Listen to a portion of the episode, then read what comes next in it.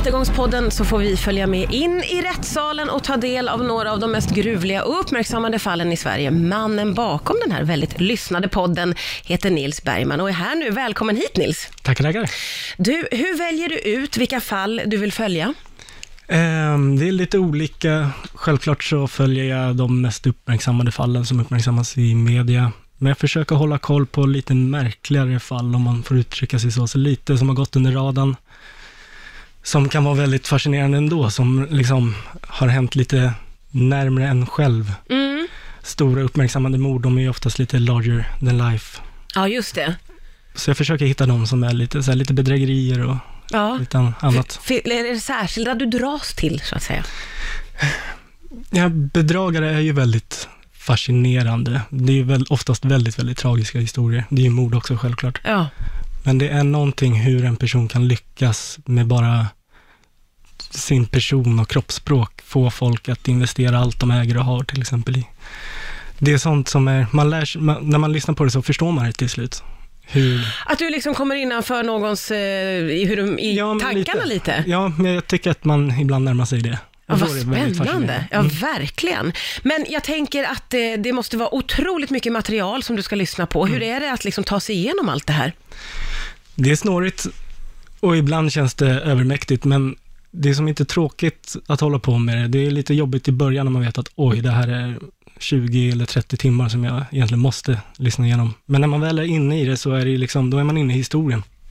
Ja. Så att hålla på med sånt här, läsa förundersökningar och lyssna på, på ljudupptagningar, det är nästan som att läsa världens bästa kriminalroman, bara det att alla kapitel är huller om buller, så man måste själv sortera in dem. För en annan låter ju det lite jobbigt, eh, måste jag säga. Mm. Man, kan inte läsa- får det serverat. Nej men exakt, man läser i ett förundersökningsprotokoll att något sms-konversation tydligen är jätteviktig, men man vet inte riktigt varför den är så viktig. Nej. Sen läser man vidare och lyssnar och så aha, nu förstår jag varför det där var, den där Ja, meningen det. var så speciell. Och så, så är det mitt jobb, anser jag, eller i podden, att göra en dramaturgisk kurva. Ja, det är som att du får lägga lite pussel av det här då, att du får liksom sammanfoga det så Ja, det blir precis. Mm. begripligt, eh, och så att säga. Eh, när är det som jobbigast då att sitta och lyssna igenom det här? Alltså det kan ju vara jobbigt när man hör anhöriga till ett, eh, till en, ett mordoffer eh, gråta förtvivlat. Mm. Det är klart man blir berörd. Jag blev berörd ganska mycket av sånt i, i början, men jag har lärt mig att distansera mig lite från det. Alltså det berör mig, men det, jag involverar mig inte riktigt lika mycket personligen. Ja, just Jag det. tänker att jag, mitt uppdrag just nu är att återberätta den här historien. Ja. Sen så, Så du måste lite distansera Ja, dig för att liksom kunna göra ditt jobb, ja men exakt. helt enkelt. Så det kan vara en eh, jobbig aspekt, alltså den känslomässiga, men den har jag lärt mig behärska. Men ja, det kan vara jobbigt, alltså att det är väldigt, väldigt mycket information som jag känner att jag måste ha på Mm. rätt plats. Mm. Och den, det kan vara lite stressigt. Mm. Vad skulle du säga har förvånat dig mest i arbetet med den här podden? Um, förvånat mig mest är nog... Är svårt att säga, men att alla gärningsmän i princip ljuger så det knakar om det hela tiden. Och jag har tänkt mycket på det där och jag tror att det har att göra med att de ser det som sin absolut sista chans. De vet att ingen kommer tro på det här. Jag är överbevisad. Det är solklart. De har själv fått läsa åklagarens bevisning. Ja. Men att de ändå blånekar till allt. Och det, det fascinerar mig och, förund, och det förundras jag över att fler inte bara erkänner. För att Ja. de åker ju oftast ändå dit. Vad tror du det beror på då? Någon Ja, slags att det, det är deras sista chans. De har inget att förlora Nej. på att försöka slinga sig ut en sista gång. Och det skulle nog jag också ha gjort. Ja. Bara säga, nej, det, jag var inte där, det var inte jag, det var inte jag, det var inte jag. För jag tänker på det, du som är i det här så otroligt mycket och du lyssnar på långa, långa ljudupptagningar. Jag tänker att det skulle kunna påverka din syn på livet. Förstår du vad jag menar? Att, det, att du skulle kunna se liksom mörkt på din omgivning. Mm. Blir du påverkad på så sätt? Nej, det tycker jag nog faktiskt inte jag har blivit faktiskt. Det är klart att man håller på med det, man möts ju av konstant mörker. Men det, Mm. har man, det möts man av i tidningsrubriker också tycker jag. Ehm, så nej, att eh, världen kan vara en mörk plats, det, det har man ju insett. Mm. Men det påverkar mig inte så mycket just det. Nej, skönt. Du, eh, eh, din podd är ju som jag sa inledningsvis eh, väldigt, väldigt lyssnad på. Eh, varför tror du att eh, folk gillar den så mycket? Ehm, det är nog att man är, man be- befinner sig i rättssalen när man lyssnar. Jag gör ju sällan egna intervjuer och det är inte det som är konceptet. Mm. Nu i senaste fallet om cyanidkvinnan så intervjuade jag faktiskt åklagaren, men det är inget jag brukar göra. Eh, nej, men det är just det här att eh, få en inblick i en eh, värld som man inte känner till så mycket, Mm. en svensk rättssal. Det tror jag var en liten ögonöppnare för folk och att det är så råa och ärliga berättelser. Det, I en intervju i någons vardagsrum så kan man filtrera sig och sådär, men när en åklagare ställer frågor i en rättssal, det är där och då det gäller. Mm. Och då blir svaren och atmosfären väldigt annorlunda. Och det, jag tror att det griper tag i ganska många. Mm.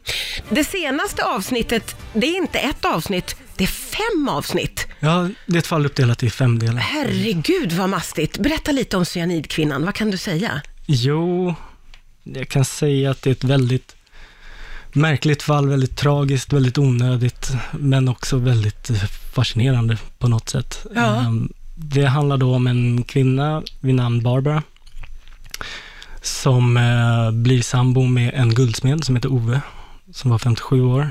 Um, han träffade henne sent i livet och ehm, han har en sommarstuga i Norrtälje. En lördagkväll i februari förra året så ska de ha en, en myskväll där. Eh, men saker blir inte som, som Ove har tänkt sig. Eh, för att eh, plötsligt så möts eh, grannarna, Oves grannar där uppe, av att Barbara ringer dem och säger att Ove är stupfull, ni måste hjälpa mig. För honom till sängen, så är det eh, en kille då som heter Fredrik som går dit och hjälper Barbara och Ove till sängen och han är helt borta. Mm. Och han har eh, bajsat på sig och eh, Fredrik han tycker att det är lite märkligt alltihopa. Hur kan han ha blivit så här full så snabbt? Han hade träffat honom tidigare under dagen. Ja. Men de lägger eh, honom där och eh, eh, Barbara säger att Nej, men vi behöver inte torka upp efter honom. Ehm, jag fixar det. Sen går han tillbaka. Några timmar senare så ringer hon igen och säger att nu andas han inte. Oj, Så då springer han tillbaka dit tillsammans med sin tjej. Um, och då är han helt livlös, men de försöker ändå att återuppliva honom med hjärt hjärtkompressioner, hjärt och lungräddning. Men eh, det hjälper inte och en ambulanshelikopter kommer, läkare kommer, och konstaterar att Ove är död. Um, sen så börjar Oves anhöriga att eh, meddelas. Och de börjar tycka att saker och ting är konstigt. Framförallt ena dottern Louise. ehm, som tycker att Barbara beter sig väldigt tvivelaktigt. Att hon inte har hjälpt honom, att hon ehm, inte har torkat upp efter honom. ja. Samt att de märker att saker försvinner. Eh, guldsmycken och sånt där saknas.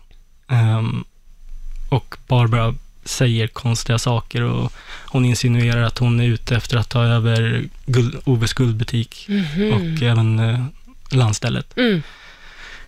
Så Louise ligger på och eh, begär eh, att eh, få göra tester på Oves blod. Och efter mycket om och men så får hon till slut igenom det. Då har det gått flera månader. Ehm, och då visar det sig att Ove hade väldigt höga halter av cyanid i hans blod. Mm. Och då börjar polisen inleda en förundersökning. Och då har Barbara hunnit gifta om sig med en man som hon har träffat i tre veckor och skrivit in sig i hans testamente så att hon ska ärva allt från honom. Och så har hon börjat googla på cyanid återigen. Oj, oj, oj. Så han låg i riskzonen Nej. och samma öde till mötes. Herregud vad spännande. Som, som vanligt. Eh, senaste avsnittet alltså, av, eller avsnitten ska jag ju säga då, för det blir fem stycken Yes. om cyanidkvinnan. Tusen tack Nils Bergman från Rättegångspodden. Så kul att du kom hit och Ja, berättade tack här på. Rix FM. Tack snälla.